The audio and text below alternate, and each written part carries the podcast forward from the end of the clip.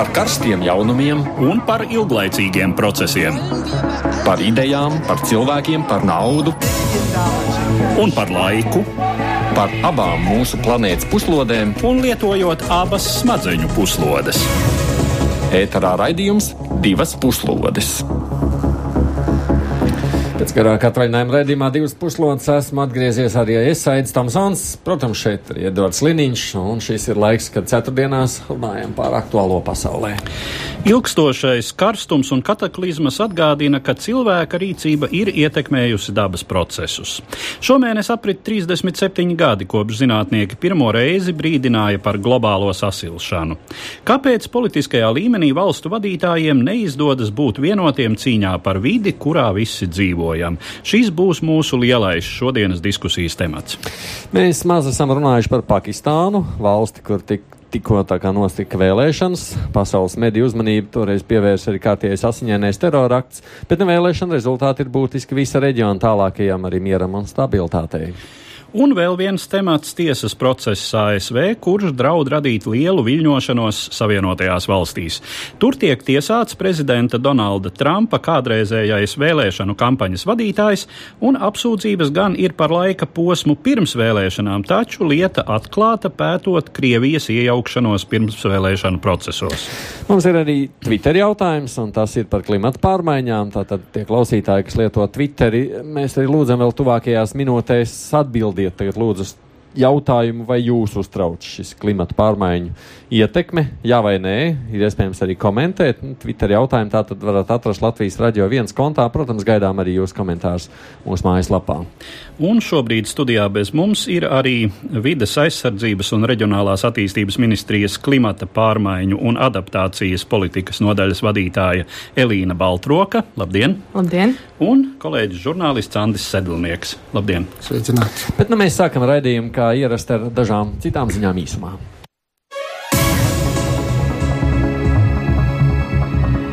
ASV prezidents Donalds Trumps domā, ka Irānas vadība jau pavisam drīz būs spiesta meklēt kontaktus ar viņu, lai risinātu grūtās ekonomiskās problēmas. Un viņš esot gatavs tikties ar Irānas prezidentu. Kā ziņots šonadēļ, tātad ASV atjauno plašas ekonomiskās sankcijas pret Irānu, lai piespiestu to noslēgt stingrāku kodolu vienošanos. Tikmēr Irānas vadītāji ir paziņojuši, ka tas būtu pazemojoši tikties ar augstprātīgo Trumpu, un viņi būtu gatavi sarunām tikai tad, ja Trumps apturēs sankciju piemērošanu un anulēs izstāšanos no līdzinājās kodola vienošanās. Irāna patiešām ir nonākusi finanšu grūtībās pēc tam, kad ASV prezidents paziņoja par sankcijām, kas paredz arī pilnīgu aizliegumu iepirkt naftu no Irānas. Arvien lielāks spriedzi pieaug Spānijā, kura nu kļuvusi par nelegālo migrantu ceļa mērķi.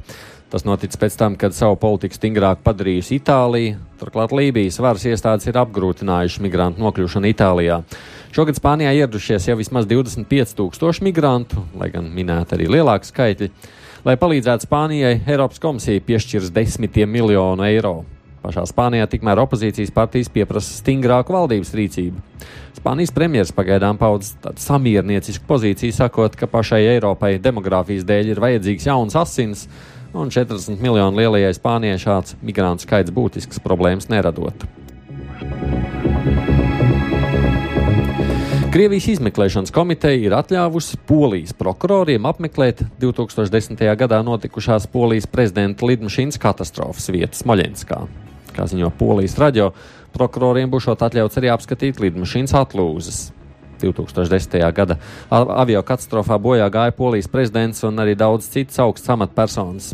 Polijas izmeklētāji uzskata, ka lidmašīna iznīcināja sprādziens. Savukārt Krievijas izmeklētāji saka, ka avio katastrofa izraisīja poļu pilotu kļūda un nekādas sprādziena nav bijis. Līdz šim par spīti atkārtotiem Varšavas pieprasījumiem Krievija atsakās atdot Polijai lidmašīnas atlūzas. Tirzniecības karš starp Ķīnu un ASV turpina plēsties ar vien plašāks. Trumps apsver kārtējos jaunos tarifus Ķīnas precēm. Ķīna, kā zināms, atbildi parādā nepaliek. Šajā kontekstā zīmīgi ir skaitļi, ka vietu tālruņa tirgū ASV kompānija Apple, Apple zaudē pozīcijas iepratim Ķīnas gigantam Huawei, kurš ir apsteidzis Apple un kļūst par otro lielāko vietu tālruņa ražotāju pasaulē. Huawei izaugsme pēdējos gados esot bijusi tāda apbrīnojama, un viņš jau arī minus papēžiem populārākiem ražotājiem Samsung. Tiesa, ASV kompānijai Apple krīzes gan nav. Tā peļņa pēdējā ceturksnī ir pieaugusi par 32%, un paša uzņēmuma vērtība tuvojoties vēsturiskam skaitlim - vienam triljonam dolāru. Un vēl karstums Šveicē ir ietekmējis ne tikai cilvēkus, bet pat suņus. Policijas suņi Šveices pilsētā Cīrihē tiek apauti apavos, lai viņu uz nokaitētā asfalta neapdedzinātu ķepas. Temperatūra Cīrihē arī pārsniedz 30 grādus, un policijas kinologi patruļās arī informē citus suņu saimniekus, ka pašreizējos laikapstākļos trotuāra saulē sakarst līdz vismaz 50 grādiem. Ja cilvēki plaukstēja pēc piecām sekundēm, trotuārs šķiet pārāk karsts. Ir Tas arī pārāk karsts suņu ķepām, tā norāda policijas departaments. Lielākiem suņiem jāuzauj apavi, bet mazākie suņi jānes rokās, tā pavēstījusi policija. Bet nu pievēršamies sākumā minētajiem tematiem un vispār ar karstumu arī turpinām.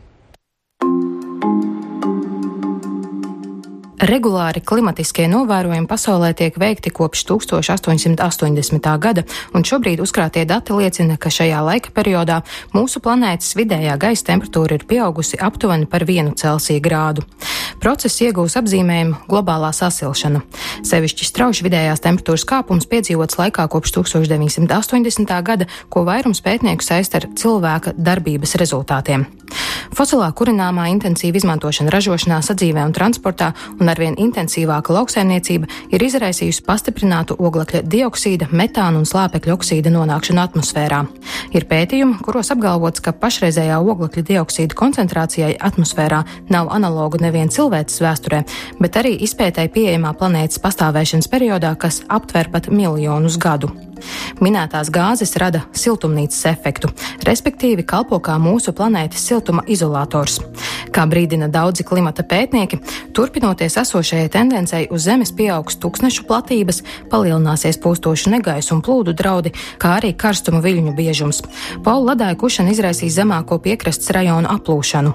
Būtiski mainīsies augu un dzīvnieku valsts daudzos planētas reģionos, tāpat arī dažādām lauksaimniecības kultūrām piemērotas teritorijas un audzēšanas periodi. Šādas pārmaiņas neizbēgami mainītu daudz miljonu cilvēku ierasto dzīves kārtību, daudzkārt palielinātu migrācijas tendences, varētu notikt pat militāri konflikti dzeramā ūdens un lauksaimnieciski izmantojamas zemes dēļ. Tiesa ir arī pētnieki, kuru uzskata, ka vērojamais planētas sasilšanas process nav tieši saistāms ar pēdējos pāris gadsimtu globālo industrializāciju. Viņi norāda, ka dati tiek apkopoti salīdzinoši īsu laiku periodu, joprojām nav izsmeļoši un vākti ar pārlieku atšķirīgām metodēm.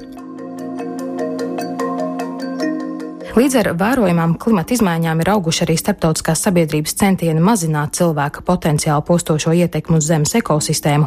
Kopš 1992. gada pastāvošā ANO vispārējā konvencija par klimata izmaiņām iezīmē virzienu, kādā pasaules nācijām jāsadarbojas klimata izmaiņas izraisošo izmešu daudzumu samazināšanai. Kopš konvencijas pieņemšanas pagājušās desmitgadēs panākts vairākas vienošanās, uzstādot konkrētākus mērķus. Pēdējā no tām 2015. gada pieņemtā Parīzes Parīzes vienošanās, kas paredz dalību valstu centienus ierobežot izmešu daudzumu tā, lai planētas sasilšana nepārsniegtu divus, bet vēlams pusotru Celsija grādu, salīdzinot ar pirmsindustriālo laikmetu. Diemžēl nesen Parīzes vienošanās saņēma nopietnu triecienu.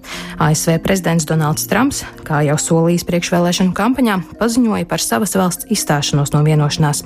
Viņa prāta vienošanās kaitē ASV ekonomikai un ir izdevīga tās konkurentiem. Var piebilst, ka ASV ir šobrīd otrs lielākais siltumnīcas siltumnīca efektu izraisošo gāzu eminents pasaulē.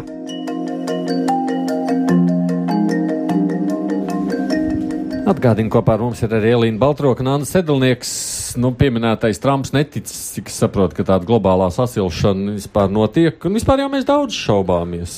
Tā, taču vismaz skatoties internetā, to varētu saprast. Nu, ko gan mēs tādi parastie cilvēki varam saprast. Ir jēga vispār par to raizēties vai nē? Nu, es teiktu, ka jēga raizēties, protams, ir. Jā, jo mēs varam, nu, es domāju, ka viens, kurš šajās dienās iet pa ielu, redz, ka nu, nav gluži tā kā vajag. Jauka būt, vasara, jā. Nu, kam jauka vasara, kam, kam nesamērīgs karstums. Jā. Bet nu, tā problēma galvenokārt ir tur, kad uh, šajā, šis ir tas gadījums, ja, kad es, teiksim, es neesmu zinātnieks, tur klimata izmaiņu pētnieks. Tāpēc es tev pirmām prasu. Jā, bet tā, tā problēma galvenokārt ir tur, pat ja pieņem, kad tas ir pilnīgi taisnīgi, bet tur par to var strīdēties, jā. Teiksim, šie te centieni samazināt visus šos te izmešus atmosfērā un ko viņi daudzos gadījumos reāli nonāk pretrunā ar kādām, teiksim, politiskajām, ģeopolitiskajām, ekonomiskajām interesēm. Jā. Un tajā jaukajā brīdī, kad uh, Donalds Trumps teica, ka tas kaitē Amerikas ekonomikai, viņš tiešām nemeloja. Jo Amerikas ekonomikai šis fakts būtiski kaitētu. Ja? Un, ja Trumps ir Amerikas prezidents, un viņš tā teikt, un viņam uz cepurītes ir rakstīts, ka mēs padarīsim Ameriku atkal diženu, ja? tad viņam kaut kā neloģiski ir. Ja? Un gal galā Trumps, kad tas viss notiks, un Trumps to jau sen vairs nepiedzīvos, bet mm. tas ir šodien, un nākošās vēlēšanas arī ir pēc diviem gadiem. Ja? Un tā teikt, un visu šādu rezultātā jā, tiek izdarīta šāda izvēle. Un viņš jau tāds nav vienīgais. Tepat Eiropā, piemēram, ir tāda lieliska valsts kā Polija, kas svilinā ogles tādos apmēros, ka mati ceļās stāvs. Jā, un nekas nu, tādā garā. Tā kā tā reālā ekonomika, bieži reālā ekonomika, politika, kādas intereses bieži vien ņem virsroku pār lietām, jā, nu, un arī pašas tās lietas, es, es teikšu tā, ir, tur ir arī daži strīdīgi momenti, bet uh, tas būs, teikt, ne jau, ne jau velti ka mēs tikko dzirdējām, tika pieminēts, ka ir arī ļaudis, kas šaubās, un es domāju, ka lielākā daļa ietekmes uz šī globālo sasilšanu tomēr ir cilvēka roku darbs. Bet tas nu, ir tāpēc, mēs jūtam, jā, nu, tāpēc, ka šķiet, jā, karstums ir. Šo, šovasar, tāpēc ir atbilstošs brīdis par šo runāt, vai ne? Nu, skatoties no karstuma. Bet, nu, ko tur, vai jēgas runāt to, ko nevar izdarīt, ne? Tā un tā. Nē, nu, protams, ka ir jēga runāt par šo jautājumu, un uh, aktualitāte noteikti ir jūtama īpaši šobrīd. Un, uh, gribēju vēl mazliet pakomentēt par, uh, par zinātnieku viedokli, jo patiešām 97% zinātnieku ir viensprāts par to, ka mūsdienās novērojamā globālā sasilšana ir cilvēku radīts, uh, radīts rezultāts, un tādēļ mums ir pienākums uh, kaut ko darīt lietas labā. Un vēl par, par Parīzes vienošanos ir jāpiemina, ka šobrīd to ir parakstījuši 195 valstis, kas ir absolūti globāli, globāli vienošanās. Un, lai gan ASV prezidents ir paziņojis par nodomu izstāties no Parīzes nolīguma, faktiski ASV praktiskā līmenī to varēs izdarīt tikai 2020. gada 4. novembrī, kas interesanti ir viena diena Kāpēc? pēc nākamajām ASV prezidenta vēlēšanām. Kāpēc tik vēl? Tā paredz nosacījumi, ka nevar tā momentā nevar iziet tā. Ja? Nu, tāpat kā Lielbritānija nevarēja momentā à. pārtraukt būt Eiropas Savienībā, ir process, un process ir, ja nemaldos, četri gadi, -hmm. uh, kuriem ir jāpaiet pēc tam, kad valsts deklarē bet, šo vēlēšanu. Bet pēc tam atkal un Savienotās valsts. Ātrāk? Uh, to es nezinu, bet Savienotās valstis uh, ir, ir arī paziņojušas, Savienoto valstu ārlietu dienests ir paziņojis, ka Savienotās valstis ievēros šo izstāšanās procedūru. Nu jā, Bet, eh, kā tikko arī dzirdējām, ierakstā teica, ka Savienotās valsts ir otrās. Kuras ir pirmās Ķīna vai ne? Jā. Ķīna ir pievienojusies šim Parīzes. Jā, Ķīna ir pievienojusies, ratificējusi, iesniegusi savu apņemšanos samazināt siltumnīca efekta gāzes emisijas. Nu, tā, kurš tā beigās paliks? Trumps viens pats pasaulē? Šķiet, ka vai Krievija ir parakstījusi? Krievija ir parakstījusi, bet Krievija vēl nav ratificējusi. Un Krievija to skaidro, ka, lai viņu uh, nacionālā līmenī būtu iespējams ratifikācija veikt, ir nepieciešama būt skaidram uh, par īstenošanas nosacījumiem, kas tiks pieņemti šogad šogad uh, klimata pārmaiņu konferencē uh, Katovicē, Polijā, decembrī. Nu, kas nozīmē, ka tomēr lielākā daļa valstu var vienoties par šādām lietām. Jā, nu, šī Parīzes vienošanās, protams, ir ļoti lielā mērā brīvprātīga. Uh, nav paredzētas sankcijas pret valsti, kura, teiksim, vai nu kavētu savu rādījumu iesniegšanu, vai to neizdarītu, Eh, vai uz kādu laiku varbūt pārtrauktu darboties, eh, arī formāli neizstājoties vai tam līdzīgi. Tātad eh, vienīgais, kas šai valstī draud, ir starptautisks nosodījums, mm. starptautiskās sabiedrības viedoklis. Savukārt, nu, teiksim, brīvprātīgi darbojoties, tas princips ir tāds, ka nu, valstis, eh, Parīzes vienošanās gan ir eh, laikam pirmā, kas nedala valstis grupās pēc ekonomiskās attīstības līmeņa, jo līdz tam bija arī tā, ka lielākā atbildība arī finansiāli par procesu bija uzlikta tās augtajām ekonomiski attīstītajām Bagāti, valstīm. Bagātajiem. Bagātajiem, jā. Pie, un, piemēram, Japāna bija ļoti neapmierināta ar situāciju, kad Ķīna tika uzskatīta par attīstības valsti, un līdz ar to uh, Ķīnai protams, šis process bija pirmkārt daudz lētāks. Ja, bet konkurence, teiksim, ekonomiskā konkurence, ja mēs paskatāmies Japānu, Ķīnu, Dienvidkoreju, visu šo reģionu, jau sen vairs Ķīna uh, nav uh, otrajā vietā aiz Japānas, bet drīzāk ir otrādi. Ja? Bet šobrīd tās valsts vairāk vai mazāk ievēro visas to vienošanos brīvprātīgi. Pēc būtības Parīzes nolīgums paredz, ka katrai valstī ir jāiesniedz savs nacionāli noteiktais devums Parīzes nolīguma mērķu īstenošanai. Tas nozīmē, ka katra valsts iesniedz savu pēc būtības plānu, kurā viņa apraksta, kādā veidā viņa uh, palīdzēs Parīzes līguma mērķu sasniegšanai. Un, piemēram, uh, Latvija, kā Eiropas Savienības dalībvalsts, ir iesniegusi šo plānu kopīgi ar Eiropas Savienības dalībvalstīm, un ir šī kopējā apņemšanās samazināt siltumnīca efektu gāzes līdz 2030. gadam par 40%, par vismaz 40% salīdzinājumā ar 90. gadu. Piemēram, Ķīnas šis nacionāli noteiktais devums izskatās mazliet citādāk. Viņi ir paredzējuši, ka viņu emisijas uh, sasniegs maksimālo punktu Uh, un tad viņas samazināsies. Nu, katra valsts var mazliet interpretēt to, kādā veidā viņi iesniedz šo nacionāli noteikto devumu, bet kas ir labi, ka Parīzes nolīgums paredz, ka katrs nākamais nacionāli noteiktais šis plāns, viņam ir jābūt ambiciozākam par iepriekšējo, kas uh, ietver šo te. Uh, neatkāpšanās uh, principu, un tas ir viens no Parīzes līguma tiešām uh, panākumiem. Cik bieži to plānu jāiesniedz? Uh, plāni ir jāiesniedz ik pa pieciem gadiem. Ik pa pieciem gadiem. Jā. Nu, un ko tad Amerika tur nevarēja tādu iesniegt, ka viņi pēc tam var palikt tajā? Viņi ir iesnieguši. Nu, jā. Amerika ir iesniegusi plānu, un viņi, uh, viņi ja nemaldos, uh, viņi paredz uh, siltumnīca efekta gāzes samazinājumu par 28% līdz 2025. gadam, salīdzinājumā ar 2005. gadu. Mhm. Un viņam joprojām šis uh, juridiski viņam šis pienākums būtu jāpilda. Nu, vienīgais viņi vēl neko nedarīja, jo līdz 20 gadam izstāsies, un ko tad tur vairs piektais gads? Nē, nu, ja, ja nāk cits prezidents ar citu nostādni, tad varbūt tā, ka tas arī nu, lūk, ja nāk cits prezidents. Līmenī. Bet amerikāņiem taču, kas viņiem, viņiem ir svarīga vide vai kas viņus vairāk nu, uzkrās? Es pieļauju domu, ka kaut kur Kalifornijā vai Floridā, kad ir viesuļvētras vai ugunsgrēki, vai ugunsgrēki, tas ir svarīgi.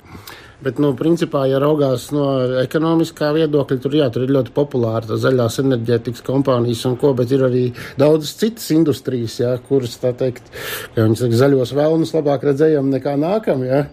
Un tieši šis aspekts, jā, kad, piemēram, ja naftas industrija stāv un krīt par prezidentu Trumpu, jā, tā teikt, tad, principā, ja prezidents Trumps sāks stāstīt, jā, cik slikti ir automašīnas ar benzīnu dzinējiem un vispār fosilo izrakteņu iegūšanu, ieguve, ja, tad uh, industrija viņu nesapratīs. Mm. Un ir uh, daudz tādu lietu, ja, ko, kur prezidentu Trumpu vienkārši nesapratīs. Bet nu, ļoti daudz ko nosaka vēlētājs īstenībā. Nu, ja vēlētājs nu, kā, priecājas par Trumpa nostāju, tad ko tad? Nu, ir vēl ne? viena lieta, es varbūt piebildīšu, viena no nozarēm, kas rada ļoti lielu šo te siltumnīcas efektu radošo gāzu daudzumu, tā ir lauksaimniecība. Viena govs rostās krietni naskāk jā, nekā jā, viena automašīna. Jā. Jā. Un tā teikt, bet uh, fermeru, Amerikas vidieni tie ir fermeru štati, jāsaucās, un doma par to, ka mēs šos lopiņus tagad uh, kaut kādas globālas globālās sasilšanas vārdā, jā, jo tieši tā saucamie redneki, tie Amerikas vidējiem štati, tas ir Trumpa elektorāts, jā, un doma, ka mēs tagad savus šitās, kā viņas tur saucās, tās milzīgās fermas, jā, ka mēs viņus tagad sāksim no viena gala apgraizīt. Nē, no, pavisam nevien, noteikti neviens jau negrasās, ap, nu, tā kā nolikvidēt govs, jo piens jau visus interesē, vai ne? Nav bet, jau. Jā, bet govs jau viņi jebkurā gadījumā dara to, ko viņi dara, jā. viņi rada siltumnīcas efektu.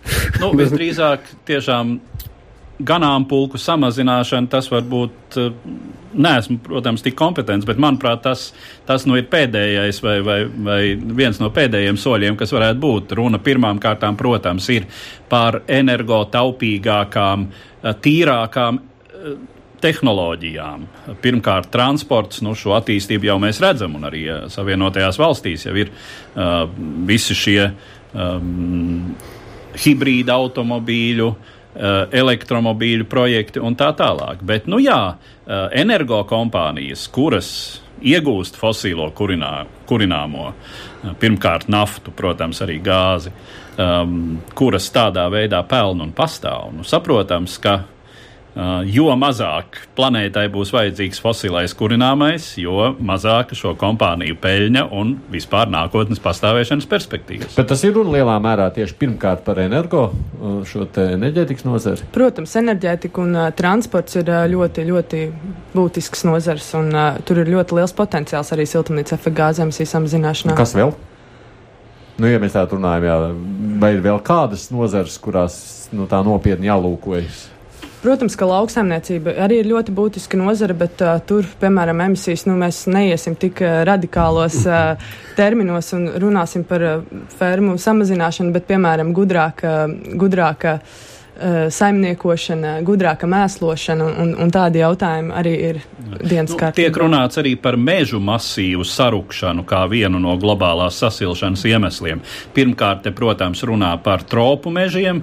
Tā ir Brazīlija, tā ir um, Dienvidu-Austrumāzija, kur uh, jau gadu desmitiem notiek ļoti intensīva meža izciršana, gan nolūkā izstrādāt koksni, gan nolūkā uh, iegūt vairāk lauksaimnieciski izmantojamās zemes.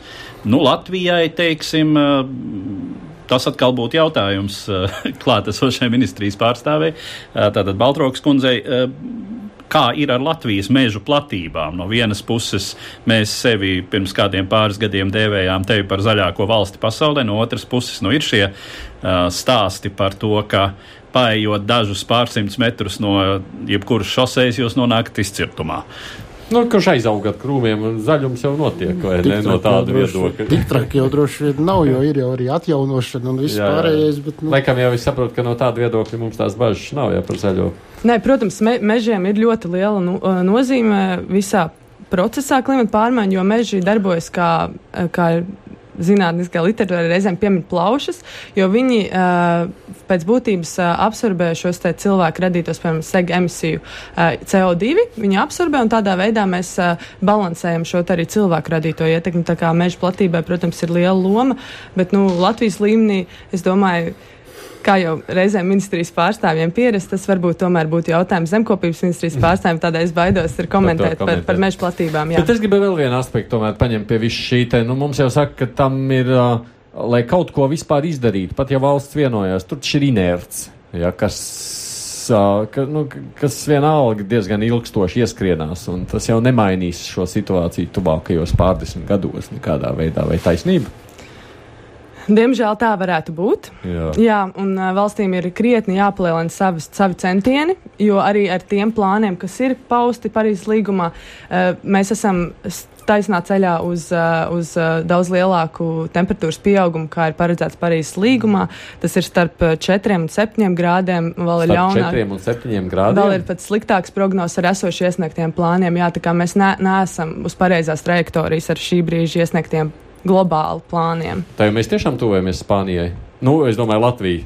Spānijas karstumam. No Spānijas karstumam diez vai jautājums, kā šī globālā sasilšana Ietekmēs, katrā konkrētajā jā. reģionā uh, notiek. Tas uh, nenotiks gluži tā, kā mēs vienā rītā pamodīsimies, nu, teiksim, uh, kaut kur pie Neapolis. Jā. Vienu gadu pie Neapolis, un otru gadu kaut kur slīksim. Bet, jā, jā, bet varētu, varētu būt arī Latvijā. Uh, nu, mēs, protams, esam laimīgi, ka mums uh, nav augstu kalnu. uh, Kā tas ir piemēram šur tur centrāla Eiropā, kur mēs jau arī vairākas desmitgades dzirdam par plūdu briesmām, kas regulāri piemeklē Čehiju, uh, atsevišķus Vācijas rajonus, uh, Austriju un tā tālāk. Ja? Uh, Bet uh, nu, tā tad jā, uh, lietus gāzes, un tad ir jautājums, piemēram, kā Rīgas kanalizācijas sistēma tiek ar to galā un tā Nu, tālāk. jā. nu, vēl jau viena lieta, mēs redzam tos daudzos ugunsgrēkus, kas šobrīd notiek gan Eiropā, tepat kaimiņos Zviedrijā, gan arī kaut kur Amerikā, Kalifornijā. Un arī pie mums. Arī pie mums pagaidām, paldies Dievam, tikai vispurvos, labi, ka ne pie apdzīvotām vietām, bet tas, kas tur savukārt tām apdzīvotajām vietām sakot, ka tiem cilvēkiem jau. Ka vēl viena lieta, kas politikā ir jādomā, ko, ko viņi dara ar būvēm un industriju un infrastruktūru, sakot, ka, nu, nezinu, jāpārbūvē pilsētas, jāpārskatās, kādā veidā vispār tās mājas, jo Grieķijas stāsts bija tāds, ka tie cilvēki nevarēja izbeigt vienkārši, viņiem nebija kur likties, un tad bija stāsts par to, ka tā vienkārši globalizācija sajiet kopā ar šo te civilizācijas attīstību un ko lai dara šajā situācijā, kāds tam vēl visam būs sekas. Mēs tam citu jautājumu klausītājiem, vai viņus uztrauc Jā, tas, kas notiek cīņa ar tām klimata pārmaiņām un viss tā ietekme. 84% saka, ka viņus uztrauc, 14% saka, ka nē. Nu, jo no vēlētāja viedokļa gribētu jādomā, jau, ka vēlētājs nozīmē varētu uzspiest uz politiķiem. Ne?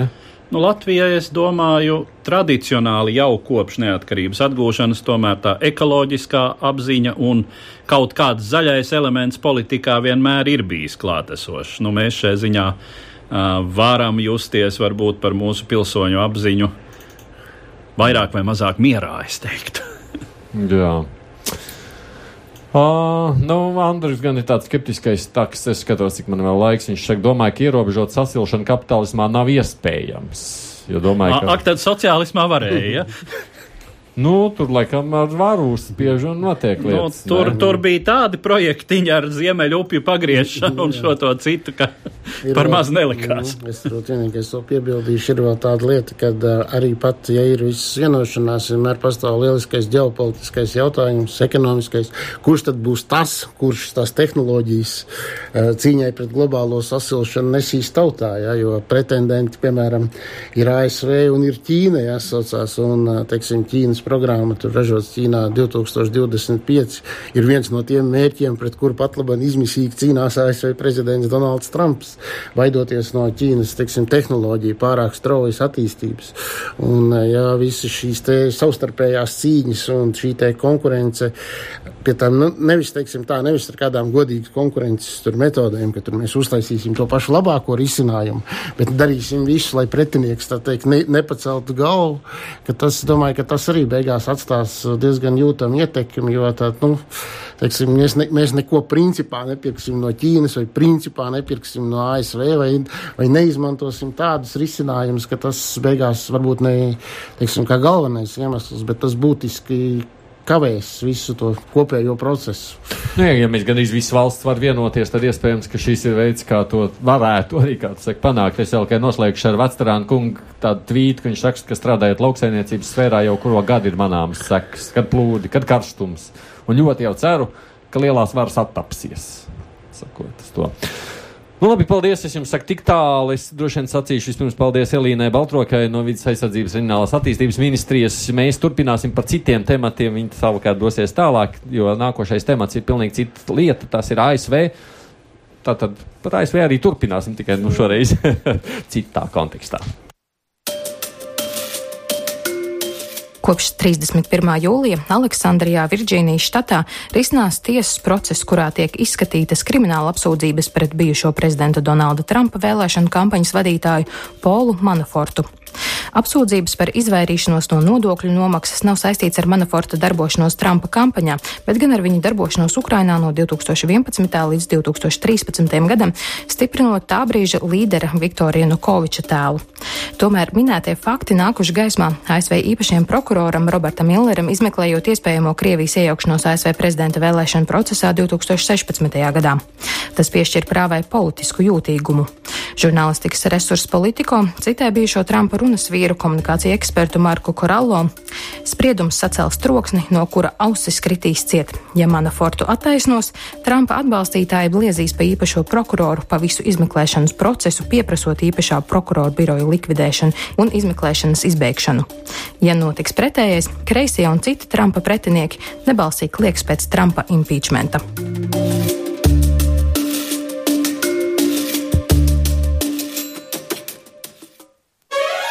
divas puslodes. Atgādīju šeit studijā kolēģis Anna Sedlnieks, Edors Liņš un arī Aits Tomsons. Es šajā faktu izklāstā tad, tad nesapratu, tad, kāpēc mums tāds, man, kā viņam bija uzvārds, Manaforts. Manaforts vispār šķiet tik svarīgs personāžs, ja runa ir pirms Trumpa. Manaforts, nu jā, Manaforts pats par sevi ir ļoti svarīgs personāžs. Cits starpā viņa tikai Trumpa kampaņas uh, vadītājs. Viņš bija viens no prezidenta Ronalda Reigana padomniekiem. Viņš oh. ir viens no Amerikas zināmajiem lobist, zināmākajiem lobbystiem. Cilvēks, kurš cita starpā ir lobējis Savienotajās valstīs uh, tādu cilvēku kā Markos laulātais pāris Filipīnās un pat uh, tāds visai ekskluzīvs Āfrikas diktators bija saucās Mobutu. Arī viņu intereses ir lobējis Amerikā. Jā. Manaforts arī tiek uzskatīts par vienu no tiem cilvēkiem, kurš tieši ir līdzdarbojies patlabanējās ārzonu visas šīs sistēmas izveidē, kur līdzekļi tiek izvesti, nu, teikt, no, no normālām valstīm uz ārzonām un tā tālāk. Būtībā tas, viņa, nav, tas nav vienkārši kaut kāds cilvēks, tas ir viens kārtīgs dinozaurs, nu vēl te viņu salīdzina ar Alu Kaponi. Jā, nu, lūk, jāsaucās cip, un šis, tas ir, tas ir stāsts par to, jā. Kā es par viņu neko nebiju dzirdējis? Nu, tāpēc, ka viņš varbūt nemaz tā negribēja, lai par viņu tā dzird. Jā. Nu, vismaz, vismaz ne šojā, bet, bet, protams, piesauktais spe, spektrs un arī Viktors Janukovičs visnotaļ iedaras šai. Jā, un viņš vienkārši nodarbojās ar to, ka viņš lobēja par atbilstošu samaksu, tā teikt, dažādu Principā, nu, teiksim, Viktors Janukovičs salīdzinot, piemēram, ar Mobutu vai Markos pāri, ir pilnīgi balts pūkains un pilnīgi cienījams. Nu, teikt, cilvēks, viņš pārdevās jā. visiem, kas ir gatavi nu, viņu pārdevās. Jā. Nu, principā, nu, jā. jā. Pildīja pakalpojumu. Pildīja pakalpojumus, jā, un tā, kas ir ļoti būtiski, iesaucās šī te darbība, nu, par goda vīru vai tur lādzīgu cilvēku nosaukt, viņu, protams, neviens diezin vai var, jā, bet viņš arī nekādā veidā nenonāca pretī tur Amerikas interesēm, jā, viņš vienkārši darīja to, ko viņš bija darījis kopš prezidenta prezidenta Reigana laikiem. Ja. Nu, pie viena viņš darīja arī to, ko parasti dara šādi cilvēki. Viņš nemaksāja nodokļus. un šis fakts nāca gaismā, uh, izmeklējot Krievijas iespējamo iejaukšanos uh, ASV prezidenta vēlēšanos. Kā, Vēlēšana... kā šis varēja tādā veidā nākt gaisā? Labi, tas, protams, nu, tas ir tas stāsts ir par to, ka tā teikt, Janukovičs cits starpā ne, manuprāt, nepamatot tiek uzskatīts par prokrievisku politiķu. Viņš bija ne prokrievisks, ne pro, prorietumniecisks. Viņš bija ja, politiķis Janukovičs, ja, kurš rūpējās galvenokārt par sevi. Mhm. Tā teikt, un, tā teikt, bet nu, tas tiek uzskatīts, un tas ir mēģinājums sasaistīt kaut kā Manaforta darbību Ukrainā ar, teiksim, šo te Krievijas iespējamo iejaukšanos, kas patiesībā, nu, tas nav reāli, jo Manafortam ar Krieviju sakari ir ļoti maz, jā, bet, nu, mēģināt jau tāpēc var, jā, un, manuprāt, tas ir arī mēģinājums, jo šī te izmeklēšana, ko vada prokurors, kā tur bija Millers, jā, un vienmēr šis no vecām padomju filmām šis Millers. Tas ir Vācijas Millers, jā, tas ir cits Millers, jā. Pavisam citāds Millers. Tas ir cits Millers, jā, jā. Bet, nu, tā problēma ir tur, kad izmeklēšana ilgst jau, cik mēnešus, gadu jau, bet nekas nopietns tā arī nav atrasts. Un aizvien uz šo prokuroru tiek izdarīts aizvien lielāks spiediens, prasot kaut kādus rezultātus. Un šī iemesla dēļ viņš savukārt spiež uz Manafortu. Es nešaubos, ka cienījamais Manaforts var pateikt daudz ko tādu, ja saucās, kas, tā teikt, ļoti nepatiks prezidentam Trumpam, ja, kas ļoti patiktu, teikt, prokuroram, prokuroram un, teiksim, Trumpa politiskajiem pretiniekiem, bet pilsonis Manaforts klusē, labi apzinoties, ka pierādījumi ir baltiem diegiem šūti, un ir vēl viena lieta ASV prezidentam, ir visas tiesības amnestēt pilsoni Manafortu, un arī tad, ja viņi notiesās, prezidents Trumps nosauks to par politiskām intrigām un ar plašu žestu parakstīs, tā teikt, amnestēts. Viņš varbūt pat nemaz neaizbrauks līdz, tā teikt, cietuma kamerā. Tā kā, principā, tas jautājums ir, bet, nu jā, šajā gadījumā liela nozīme būs tam, kāds būs tiesas lēmums, jā, bet, nu, tur tur ir ļoti, tā lieta viņa ir ļoti strīdīga. Tur ir visādas ASV, teiksim, juridiskās sistēmas nianses, kas pie mums patiesībā ir grūti saprotamas. Ja, tur. un, teiksim, tam, tas tiesas ir divas, divās dažādās pavalstīs. Ja, un piemēram, tagad ir zvērināto tiesu, kur kā, kā apsūdzība Manafortam, jā, prokurors pilnīgā nopietnībā, kā apsūdzība Manafortam uzrāda, viņš nelietis steigāja apkārt, tas saucās ar žaketi, kas maksā 15 tūkstoši dolārus. Vai jūs proletariāts, ja gandrīz, nu, gandrīz pēc šāda principa, jā. Nu, zvērināto tiesā. Nu, ja cilvēks ir jautājums, gandrīz miljardieris steigāt apkārt šādā žaketē, nu, ir īpaši kapitālismu citadelē Amerikā, es nedomāju, ka tas ir noziegums. Jā. Kam tad tā žaketes šuj? Vai, vai nu Janukovičam nu, vien. Lūk, jā. Tā kā principā, bet ja mēs visu tā teikt tā nopietnāk, jo tai lietai pieiet, jā, tad stāsts ir par to, ka principā šī Manaforta lieta, nu, es domāju, ticamāk ir. Jā. Gan neviens, protams, nezina, ko lems zvērinātie un tiesa, jā, bet ticamāk šķiet, ka uh, viņš izspruks sveikā cauri un ka, principā, kad šis būs drīzāk ieguvums Trumpam nekā ieguvums Trumpa pretiniekiem. Nu, tā vismaz man subjektīvi šķiet. Ko tu saki Edvard, par visu šo? Man nav subjektīva viedokļa par to, kāds varētu būt tiesas iznākums. Uh, es tikai gribētu teikt, ka nepārprotami politiska, uh, politizēta uh, lieta un tur, kur juridiskais princips un, un juridiskie aspekti nonāk kaut kādā sazobē ar politiku, mēs zinām, ka nu, rezultāts te jau vienmēr ir bēdīgs jo nevelti teiksim, tiesas lietām un politiskām lietām būtu jābūt maksimāli šķirtām, bet šeit nu, tas gan, gan tas, ko kolēģis jau teica, tātad prāvas motīvi ir saistīti, dziļi saistīti ar politiku, un iznākums būs nenoliedzami ar politisku efektu. Nu, teiksim tā ļoti, ļoti vispārīgi par to runājot, nedod Dievs mums kaut ko tādu piedzīvot šeit. Bet, uh, Tā tad runa ir par naudu, ko viņam maksāja Janukovičs. Jā, par Viņš teikt, palīdzēja pilsonim Janukovičam, viņš arī politiķis. Nu, Ukraiņas pilsonim šādā gadījumā. Bet šajā reizē tieši personiski Janukovičs. Person, nu, tur Janukovičs kā Ukraiņas prezidents. Nu, kā Ukraiņas prezidents runa ir par, par to, par valsts, maksāja, bet Ukraiņas valsts nauda tā ir. Nu, valsts, tā ir partijas nauda pa lielu. Partijas. Janukovičs partijas nauda partijas, vietā. Nu, ja pavisam tad partijas sponsoru naudu. Jā. Ja, precīzāk, tad Ukraiņas oligarhu naudu. Bet ko ar to naudu darīt, lēma Janukovičs. Aleksandrovičs. Nu, tā būtu tā būt pavisam skaidrs. Un viņš viņam maksāja par ko? Par, da, par, būtībā par, polit, par politkonsultācijām, būtībā par priekšvēlēšanu kampaņu. Tēlu veidošanu. Tēlu veidošanu, tēlu uzturēšanu, pār Janukoviča lobēšanu aizokeāna valstī, Amerikā. Nu, un visticamāk, jā, bet tas ir tikai minējums, jo tas par to neviens neko nezina. Arī teikt, kā cilvēks, kurš pats ir radījis ārzonu sistēmu, arī par to, lai nauda nonāktu, Janukovičs ar sviedriem vaigā nopelnītie miljardi vai miljoni, nonāktu tur, kur viņiem neviens cits klāt netiek. Nu, ko viņš pats varēja uztaisīt tā, ka beigās pie viņa kaut kādiem nodokļiem nesamaksāt? Es pieļauju domu, ka viņam vienkārši neienāca prātā pat šī sarežģītā doma, ka kāds varētu sākt interesēties par viņu, jo viņš bija, nu, pirmā lieluma viens no pirmā lieluma cilvēkiem Amerikas iekšpolitikā. Savs cilvēks visos varas koridoros.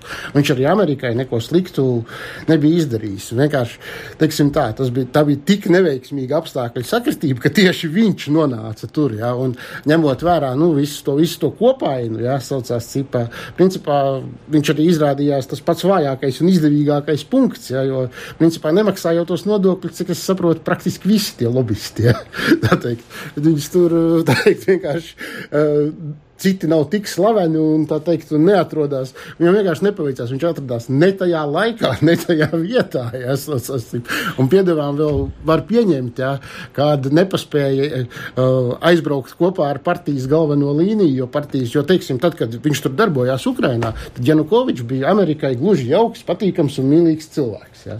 Bet Janukovičs nevienam nebija nekāda pretenzija. Ja. Viņš vienkārši, tad, kad viņš lai, visticamāk nogulēja to brīdi, esaucās, kad Janukovičs esaucās cip no tāda omulīga pa daļai mūsu zaļie, esaucās cip piepeši pārtrap par nežēlīgu prokrievisku un asiņainu diktatoru. Ja. Un būtībā, nē, Janukovičs jau nemainījās. Ja.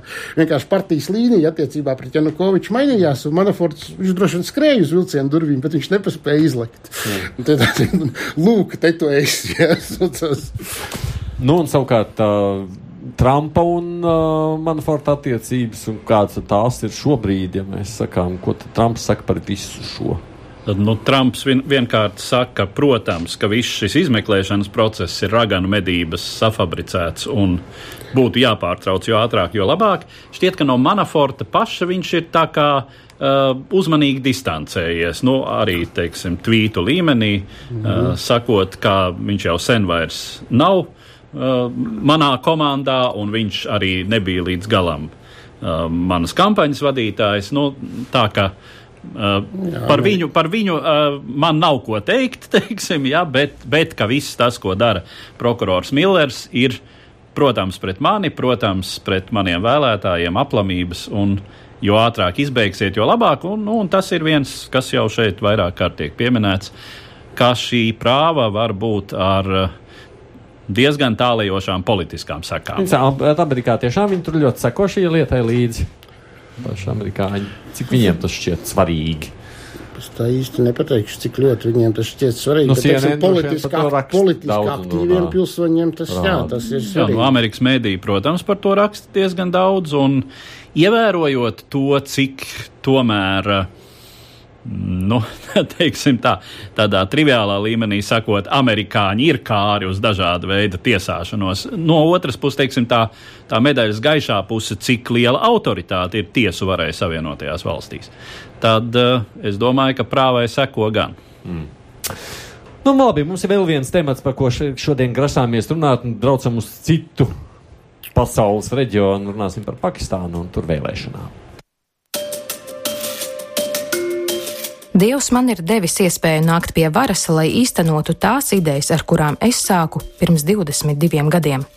Tā dienu pēc 25. jūlijā Pakistānā notikušajām vēlēšanām paziņoja tajās uzvaru guvušās Pakistānas taisnīguma kustības līderis Imrans Hans. Sācis savu politisko karjeru no nulles, bijušais kriketa čempions tagad aizvedis savu politisko spēku līdz uzvarai. Vēlēšanās iegūtie nepilnie 32% balsu, pateicoties Pakistānas vēlēšanu sistēmas īpatnībām, praktiski nodrošina taisnīguma kustībai iespēju veidot valdību. Partija tiek pozicionēta kā centrisks spēks, un tās līderis sola valstī jaunu demokrātijas attīstības posmu, izskaužot korupciju, ieviešot sociālās reformas, mazinot reliģisko minoritāšu diskrimināciju un laužot iesīkstējušās politiskās tradīcijas. Tiesa šim cerīgajam sižetam ir savas ēnainās aizkulises. Politiskie pretinieki vaino Hanu un taisnīgumu kustību pārlieku ciešās saiknēs ar Pakistānas bruņotajiem spēkiem, kur esot iejaukušies vēlēšanu gaitā. Tas var būt iemesls bažām, jo no 71 Pakistānas valsts pastāvēšanas gada 32 pie varas tajā bijušas militāras diktatūras. Es varu jau būt kā arī zīmēt tādu ainu, pilnīgi iedomājos, ka, ah, Pakistāna, nu tas jau vairs mums nav interesanti, varam slēgties uz kādu citu radiostaciju prom, jo mums tā Pakistāna jau mēs faktiski esam Nu, ja tālu. vērā, ka tā ir kodolvalsts un atrodas pašā vienā ārkārtīgi svarīga, strateģiski svarīgā vietā, Āzijas centrā, tas, tas ne, nekā īpaši. Ja. Tā ir šķiet uh, sestā uh, lielākā iedzīvotāja skaita ziņā lielākā valsts pasaulē. Sastā lielākā valsts. Jā, jā, tā bija piektā līdz uh, 71. gadam, uh, kad no viet, to brīdi vienotās Pakistānas atdalījās toreizējā austrumu Pakistānu, kur mēs tagad pazīstam kā Bangladešu. Uh, Tā tad uh, beidzot pastāvēt Britu Indijai uh, 40. gadu nogalē izveidojās divas valstis pēc reliģiskā principa. Uh, Pakistāna tā bija islāma ticīgo indiešu valsts un pamatā hinduistu, sikhu, budistu uh, apdzīvotā Indija, kuru mēs arī šobrīd pazīstam kā Indiju. Un kādu laiku pastāvēja ar Indijas teritoriju atdalītas divas Pakistānas daļas, bet šīs daļas bija pietiekami atšķirīgas. Uh, un uh, tā daļa, kur mēs šobrīd pazīstam kā Pakistānu, vienmēr ir bijusi mazliet nacionālistiskāka, uh, mazliet islāmiskāka. Uh, un, uh, ar mazliet, un ar krietni lielāku militāristu ietekmi politikā. Nu, Indija redz, latvieši ir vēl tā kā vilīna. Tur mēs labprāt dodamies uz Pakistānu jau. taču- Jā, nu, Pakistāna ir arī uh, salīdzinoši bīstama zeme, uh, ievērojot to, ka turpat līdzās ir Afganistāna un pierobežas reģionos. Uh, uh, nu, šīs vēsturiskās saiknes ir ļoti ciešas, un kurā brīdī, uh, teiksim tā, nu, pa, pašā Pakistānā Taliban kontrolētu rajonu īsti laikam nav bijis nekad, bet, Jā, bet ir tā- tādas atbalsta bāzes. Atkal jautājums ar Pakistānas bruņoto spēku ziņu, ar Pakistānas spēcdienestu ziņu, bez, tiem, bez tās jā, eh, dažādos laika periodos. Osama bin Laden Tur ir tas slavenais cilšu kontrolētais tāds rajons, tāda liela pamatīga teritorija kalnos, ja, kur valdības spēki praktiski vispār neko nekontrolē. Ja, tur viņi dzīvo paši pēc kā. Savi, viena, Nevienam īsti nezināmiem likumiem dzīvo ciltis, un tur, tur arī tad rosās visi, kam tā teikt, tā, teiksim, piedzīvotāji, meklētāji, dažādi radikāļi, un tur viss arī notiek pa turieni. Ko tad šīs vēlēšanas, kuras notika mm, sola vai Principā vai tā ir viena būtiska nianse. Vēl šis Imrans Hans, cits starpā mācījies Oksfordā. Jā. Uh, viņa vēlēšanu platforma bija izteikti antiamerikāniska. Viņš apsūdzēja iepriekšējās valsts vadības, kas tāpat jau sliecās, pie tam pamatīgi ir nosliekušās Ķīnas virzienā uz sadarbību ar Ķīnu. Viņš viņus apsūdz, apsūdzēja nemitīgi visu laiku liekulībā un pārliekā amerikānismā. Jā, un solīja nācijai, ka nācija atgūs savu lepnumu un pašcieņu. Un pie viss, protams, viņam vainīgi bija uh, saucās, uh, aiz okeāna, tur, kur dzīvo Alē, lielais jā. sātans. Jā. Bet nu, tas ir apmēram tā, jā, jo tā būtībā tas. Uh, Pamatā tiek uzskatīts, ka tā ir tāda priekšvēl, vairāk priekšvēlēšana retorika, jāsaucās, jo Pakistānai piemīt arī tāda īpašība, ka politiķi regulāri sola visu kaut ko, bet pēc vēlēšanām sazina, cik gadu garumā jau nekas nemainās. tā teikt. Un es domāju, un tā otra lieta ir uh, šis te atbalsts bruņotajiem spēkiem, jo principā ir tā, ka tieši bruņotie spēki ir tas galvenais kodols, kas to valsti, tāpat tās kā ilgstoši, piemēram, bijis Turcijā, ka tieši viņi šo valsti satur kopā. Tā teikt, ja, jo tur tās ciltis tautas, nu, it kā viņi visi, protams, ir musulmaņi, ja, bet tas viss, viņi tur ir tik dažādi, tur ir etniskie principi, reģionālie, uh, skraida, nu, es, net, nu, es atvainojos par izteicienu skraida, tas varbūt nav gluži pareizi, tur ir liels skaits dažādi tiešām islāmistu radikāļu pirms vēlēšanām. Tagad bija viens liels terora akts vēlēšana dienā, pirms vēlēšanām bija vēl vairāk liela terora akti, toties tika pat viens parlamenta deputāta kandidāts kopā pār par simt cilvēkiem sprādzienā nogalināts. Ja, tas viss apmēram kopā liecinā. Un uh, šī te iemesla dēļ, ja kāds bažījās par armijas pārlieko ietekmi, ja saucās cipa, tad viņam tikpat labi uzreiz var pajautāt, bet kas notikt, ja tās armijas tur nebūtu, ja, ja šīs te armijas nebūtu un uh, ja šī te armija to situāciju, lai varbūt, ja, saprotu, ka tas daudziem liekas nedemokrātiski, ja saucās cipa, bet tad, kas ir labāk, nedem, nedemokrātiska drošības kontrole vai fakts, ka te uzspridzinā kāds radikāls, es domāju, ka ļoti daudz viennozīmīgi izvēlās pirmo. Un, tā teikt, runa ir, kāpēc šis armijas jautājums arī tiek pieminēts, jo tur bieži ir daudz politiķi, ja, kas kampaņu, kampaņu laikā mēģina izmantot faktu, ka ir jāsamazina armijas ietekme. Ja.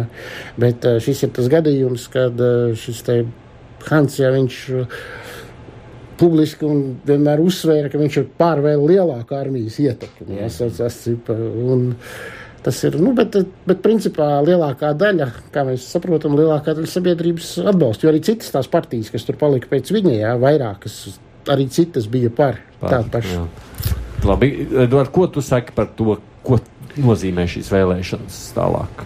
Nu, visumā jau uh, kolēģis ļoti izsmeļoši par to pastāstīja. Un, uh, jā, šis anti-amerikānisma moments ir interesants. Uh, paskatoties vēsturiski, Pakistāna ir viens no spilgtākajiem piemēriem tam, ka Savienotās valstis, protams, augstā kara periodā, uh, bet arī pēc tam īsti uh, nebija izvēlīgas um, savu strateģisko sabiedroto ziņā, uh, atkarībā no tā, vai tur bija demokrātisks vai uh, pie uh, vai, vai militāra diktatūra, vai demokrātisks režīms, vai militāra diktatūra, vai kāds uh, vidējs variants, nu, sevišķi, teiksim, uh, ja ir runa par um, ģenerāli uh, Mušarafu, kurš, bija, kurš ir pēdējais uh, diktators faktiski jau.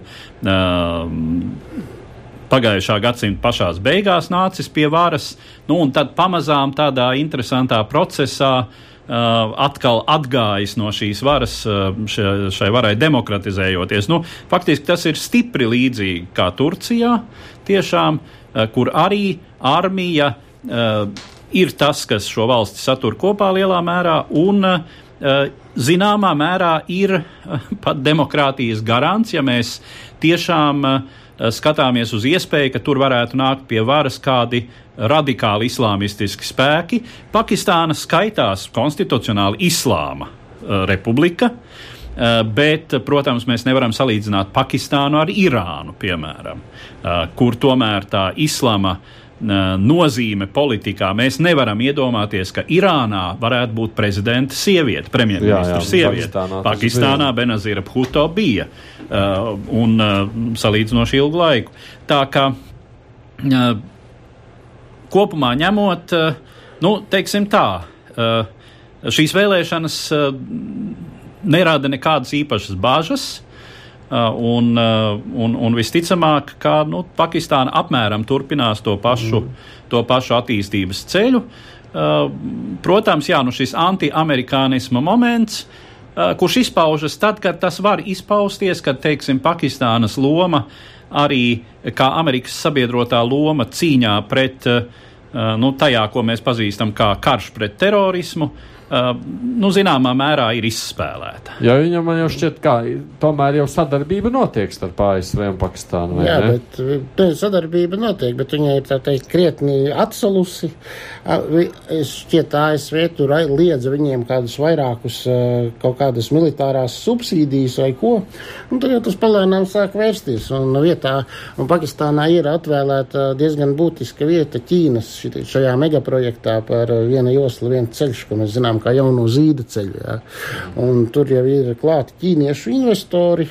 Tā teikt, ķīnieši jau būvē tur dzelzceļus un maģistrāles, ja cits starpā par lielu sašutumu Indijai, jo tur, eh, tur ir kaut kāda kalna pārējie, ja, kas ir strīdīgā teritorija, bet tur viss notiekās, ja, jo tur eh, tā būvniecība, un tas, nu, tas, tas eh, šajā gadījumā nav tik būtiski, bet principā, un tā Pakistānas tā sliekšanās uz Ķīnas puses, Pakistāna cits starpā ir valsts, kur šī projekta jaunais zīda ceļš ietvaros, Ķīna ir investējusi visu lielākos līdz šim līdzekļus. Ja tā vēl pēdējā minūtē sakot un stāst par Pakistānu un Indijas attiecībām, kas tur ir. Domāju, gaidāms, tur, tur, tur paliks tas pats, tā pat, teiksim, drīzāk simboliskā tā spriedze. Simboliskā spriedze. Nē, nu viņi, protams, ir arī reāli, jā, bet viņa nav tā, ka viņi pēkšņi draudētu kļūt sprādzienu bīstam, jo tas jau ir pieņems tādu rituālu formu. Jā, apmēram tāpat kā Turcija ir Grieķija. jā, nu tas līmenis ir apmēram tāds pats. Ja mēs, viņ, mēs viņus nemīlam viens otru, jāsaucās, mēs esam gatavi pavīstīt dūris un paklaigāt, ja, bet nu, karot mēs arī kaut kā īsti negribam. Nu, starp Latviju un Pakistānu droši vien nekādas dziļākas un ciešākas saites jau nu neveidosies. Nu, mums ir zināma pakistāniešu kopiena izveidojusies. Nu, vienīgais mēs atvērsim vēl kādu kebabnīcu, es nezinu. Jā, jā Pakistānas kebabs Rīgā ir jā. nobaudāms. Nesot gan ar sanitārajām normām viss kārtībā. nu, priekš viņiem viss varbūt ir atbilstoši, vai ne? Nu, vismaz kaut ko mēs pazīstam Pakistānu. Tas ir stāsts par kebabiem. Bet nē, paldies jums, ka atnācāt un izstāstījāt arī to, no to kopējo kontekstu, kāds ir politikā, runājot arī par šo valsti. Nu, paldies jums, es saku, kungi, žurnālists Sandrs Sedlnieks. Paldies par uzaicinājumu. Protams, arī Edvards Līniņš šeit studijā, arī paldies, es, Aits Tomsons. Nu, mūsu producenti, kā parasti, jau Valēna, paldies arī viņai. Tiksimies tātad mēs pēc nedēļas, nu, tad atkal skatīsimies, kas jauns ir noticis uz šajās abās zemes puslodēs. Tātad saku uz sadzirdēšanos atkal nākamajā reizē. Divas puslodes.